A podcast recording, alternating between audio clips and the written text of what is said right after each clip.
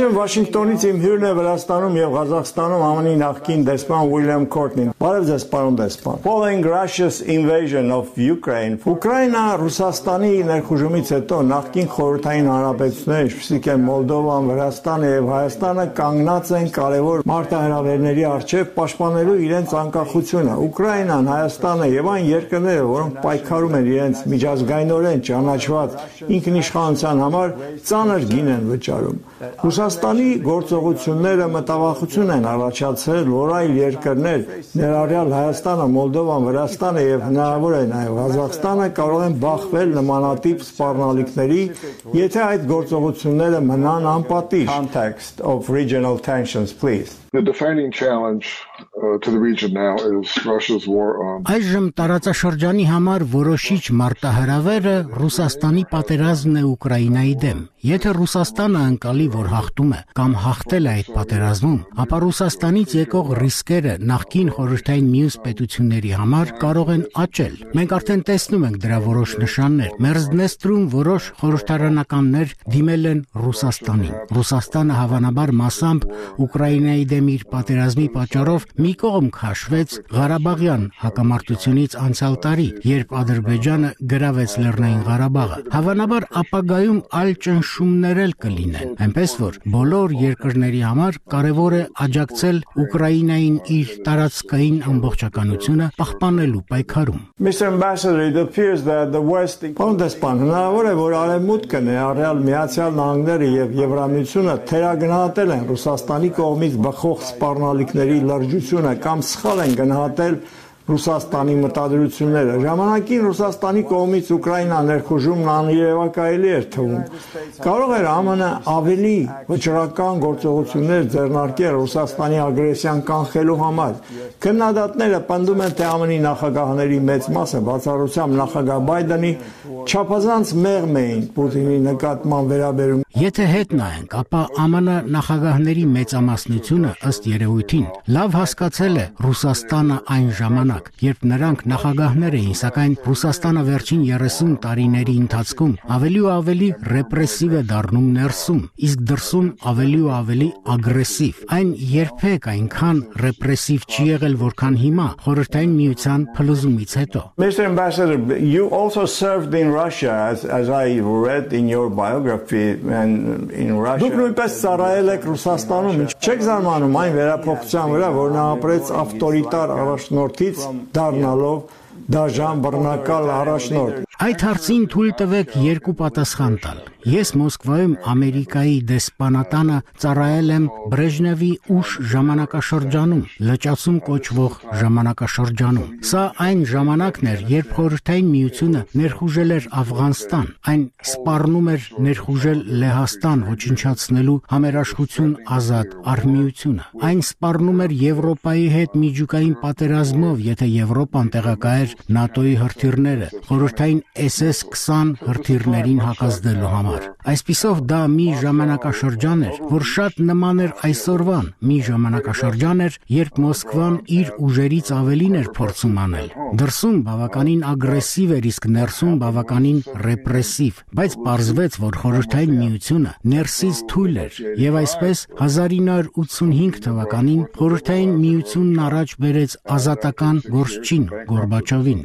6 տարի անց նա սնանկացրեց խորհրդային միությունը եւ կոմունիստական համակարգը փլուզվեց ու Բորիս Ելցինը եկավ իշխանության։ Այսպիսով համեմատելով անցյալի հետ այսօրվա իրավիճակը կարող է ավելի մոտ լինել 1980-ականների սկզբի իրավիճակին, քան ցանկացած այլ իրավիճակին, որ մենք տեսել ենք մեր ժամանակներում։ Ինչ վերաբերում է Պուտինի էվոլյուցիային, ապա դժվար է իմանալ, թե որքանով է դա պայմանավորված հանգամանքներով կամ գաղափարական տեսանկյունից նրա սեփական հակումներով, բայց մենք տեսնում ենք, որ ժամանակի ընթացքում Պուտինը մի կողմ է թողել տնտեսական լիբերալներին եւ մյուսներին ու իր բոլոր որոշումները կայացնելիս ապավինում է միայն KGB-ի նախկին կոհորտային։ Սա որոշումների կայացման ավելի նեղ շրջանակ է, քան ուներ նույնիսկ խորհրդային միությունը։ Քաղբյուրոն ուներ խորհրդականների ավելի լայն ներկայացվածություն, քան Պուտինը։ Այսպիսով մենք տեսանք, որ Պուտինը գնում է ավելի ու ավելի շատ բռնաճնշումների ուղղությամբ եւ ինչ որ պահի դա հավանաբար կստիպի Ռուսաստանին որևէ հիմնարար փոփոխություն կատարել, որպեսզի Ռուսաստանը կարողանա վերականգնվել։ I think he's acting like um, Joseph Stalin։ Ես կարծում եմ, որ նա գործում է Յոսիֆ Ստալինի պես, նա վերացնում է իր մրցակիցներին, պոտենցիալ մրցակիցներին, նա սպանում է թունավորում նրանց։ Սա իսկապես աննախադեպ է, եթե հետ նայեք, ինչպես հենց նոր արեցիք, բերելով խորհրդային միության օրինակը Յոսիֆ Ստալինից հետո նման մեկին հավանաբար չէիք տեսնի, բայց նա գնալով ել ավելի վատթար է դառնում։ Ինչպես է գնահատում Պուտինի վարքագիծը։ What's your take on this his behavior? Well, there does seem to be um, some aspect of Putin's uh, ruling uh, regime now Թվում է, որ դա Պուտինի այժմյան իշխող ռեժիմի ասպեկտներից մեկն է, որ նման է Ստալինյան ռեժիմին։ Օրինակ Վլադիմիր Կարամուրզան դատապարտվել է 25 տարվա ազատազրկման, որը նման է Ստալինի օրոք կայացվող դատավճիռների։ Ստալինից հետո քաղաքական պատճառներով հետապնդվողների նկատմամբ այդքան երկար դատավճիռներ չէին կայացվում։ Աճող ավտորիտար եւ ավտոկրատական իշխանությունը նույնպես ավելի է նմանվում Ստալինի իշխանությանը եւ խորհրդային միությանը, այնպես որ Ռուսաստանը դեռ տոտալիտար պետություն չէ, բայց Ռուսաստանի ներսում բռնաճնշումները ցավոք գնում են Ստալինյան դարաշրջանի ուղղությամբ, բայց դեռ པարզ չէ թե արդյոք նա այնտեղ կհասնի։ Russia is unfortunately going in the direction of a Stalinist era, but it's not clear whether it will actually uh, arrive there. Given the recent war between Armenia and Azerbaijan, հաշվի առնելով Հայաստանի ու Ադրբեջանի միջև վերջին պատերազմը, որը ոմանց կարծիքով չէր լինի առանց Ռուսաստանի հավանության, լուրջ մտահոգություններ կան հագամարտության հետագա սերման վերաբերյալ։ Չնայած ռուսական զորքերը որպես խաղապահներ տեղակայվել են Լեռնային Ղարաբաղում, տարածաշրջանի ողջ էթնիկ հայ բնակչությունը բռնի տեղահանվեց, տեղահանվեց իրենց հողերից։ Ականատեսների պատմություն Պատմությունները վկայում են այն մասին, որ ռուսները նույնիսկ օգնել են ադրբեջանցիներին էթնիկ հայերին դուրս մղելու հարցում։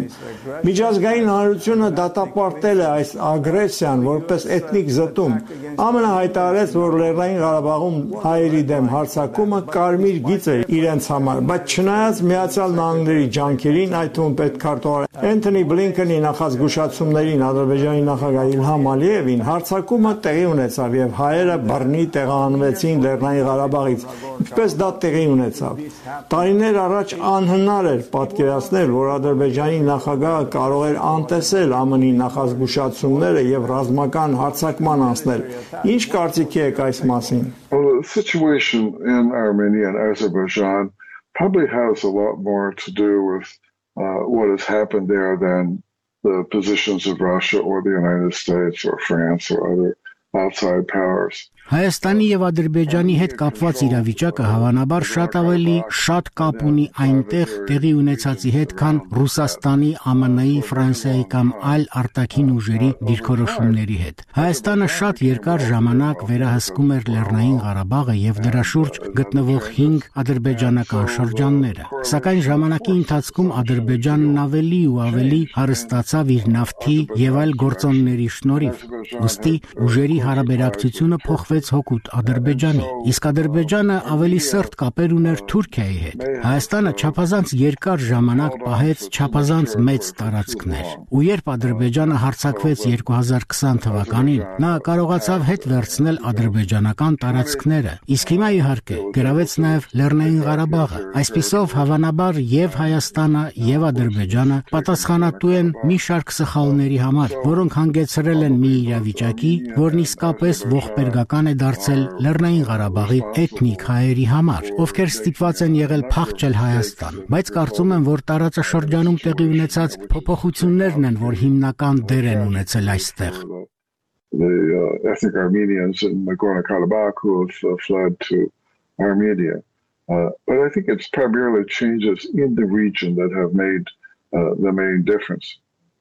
Now, what I was uh, asking was uh, specifically if you can answer these questions. Այնինչ ես հարցնում եմ մասնավորապես, եթե կարող եք պատասխանել այս հարցին։ Ես չեմ պատկերացնում այնպիսի իրավիճակ, երբ ԱՄՆ պետքարտուղարը կոչ է անում Ադրբեջանի նախագահին եւ նա անտեսում է այս կոչը։ Ignore his call. That's what I'm trying to Well, I would not be surprised if Russia Դե ես չեմ զարմանա, եթե Ռուսաստանը ձգտի խաթարել ԱՄՆ-ի կամ Եվրոպայի ազդեցությունը, բայց մենք պետք է հիշենք, որ ԵՀԿ Մինսկի խմբի շրջանակներում շատ երկար ժամանակ Ադրբեջանն ու Հայաստանը իրենց որոշումներն էին կայացնում։ Պետքարտուղարները, Միացյալ Նահանգների այլ պաշտոնյաներ փորձել են լրացնել բացը, սակայն Հայաստանն ու Ադրբեջանը դիմադրել են դրան, այնպես որ ես հեշտությամբ կարող եմ պատկերացնել մի իրավիճակ, երբ վերջերս Ադրբեջանն ու Հայաստանը դիմ դիմանում էին պետքարտուղարի հերախոսազանգերին կամ հորդորներին, քանի որ նրանք դա անում էին երկար տարիներ։ Uh, from the Secretary of State because they've been doing that for many years. Armenian Prime Minister is trying hard to win. Հայաստանի վարչապետը ջանում է դիմակայել Մոսկվայից եկող ճնշումներին։ Նա մեղադրել է Մոսկվային իր կառավարությունը տապալելու ակտիվ փորձերի մեջ, մեղադրել է Ռուսաստանին, որ Հայաստանում հերարցակող իր հերոստալիքների միջոցով բացահայտ կոչեր էր անում հեղաշրջում իրականացնել Հայաստանի ընտրված կառավարության դեմ։ Մոսկվայի գլխավորած հավաքական անվտանգության պայմանագիրը որակելով որպես Հայաստանի անվտանգության սպառնալիք Վարչապետն ասել է, որ Հայաստանը կարող է պաշտոնապես դուրս գալ հապկից։ Սրանք դրամատիկ իրադարձություններ են Հայաստանում։ Հայաստանը փոխում է իր արտաքին քաղաքականությունը հեռանալով Մոսկվայից եւ գնալով դեպի արևմուտք։ Ինչպես կգնահատեք այս փոփոխությունները, որ ձեռնարկում է Հայաստանի կառավարությունը? Government is undertaking. The Armenian government appears to be Հայաստանի կառավարությունը կարծես զգույշ քաղաքականություն է վարում իր բազմավեկտոր արտաքին քաղաքականությունը վերահավասարակշռելու համար, ինչպես ոմանք են անվանում, մի փոքր հետ քաշվելով Ռուսաստանից, քանի որ Ռուսաստանը այժմ բավականին դժգոհ է, որ ընտրված ժողովրդավարական կառավարությունը աշխուժացրել է ժողովրդավարությունը Հայաստանում։ Ռուսաստանը այնքան էլ չի աջակցում ժողովրդավարություն ունեցող հարևաններին։ Այսպիսով Հայաստանը փորձում է վերահ հավասարակշռել իր քաղաքականությունը, փորձում է մի քիչ մոտենալ արևմուտքին եւ մի քիչ հեռանալ Ռուսաստանից։ Ահա թե ինչու Հայաստանը կարծես թե շատ զգույշ է վարվում այս հարցում։ Ambassador, the military ties that Armenia is forging. Ռազմական կապերը, որ հաստատում է Հայաստանը Ֆրանսիայի հետ, նույնպես աննախադեպ են հարավային Կովկասի համար։ Ֆրանսիայի նախագահը խոստացել է օգնել Հայաստանին իր պաշտպանությունը ամրապնդելու համար։ Նա ասաց, որ Ֆրանսիան արդեն մատակարարել է ժամանակակից հակոօթային պաշտպանության ռադիոտեղորոշիչ համակարգեր եւ զրահափոխադրիչներ ֆրանսիական արտադրողներից։ Ֆրանսիական Thales պաշտպանական խումբը կմատ Մատակարարի առաջադեմ GM200 ռադարներ, որոնք իսկապես շատ առաջադեմ սպառազինություն են։ Հայաստանը ձեռք կբերի նաև մեկ այլ ֆրանսիական ընկերության արտադրության երկիր օդ փոքր հերահարության հրթիռներ։ Ռուսաստանի նախկին դաշնակիցն առաջին անգամ ծերտ կապեր է հաստատում ՆԱՏՕ-ի անդամ երկրների հետ։ Ինչ կարծիքի եք այս մասին։ Armenia has uh,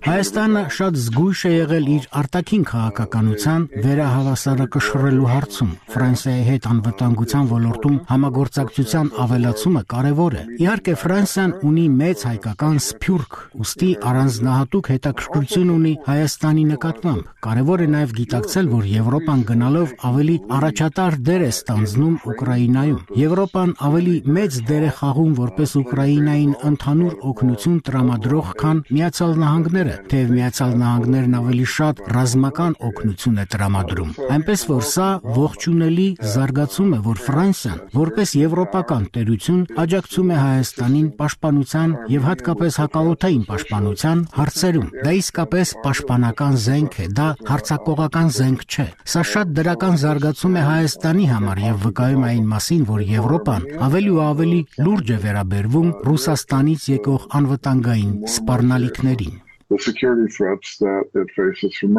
Պարոն դեսպան, շնորհակալություն այս հարցադրույցի համար, շնորհակալ եմ ձեր ժամանակի համար եւ ես հույս ունեմ, որ մենք շուտով կարող ենք խոսել այն մասին, թե ինչ է կատարվում Ուկրաինայում։ Կարծում եմ սա առանձին թեմա կլինի։ Շնորհակալություն, ստեսություն։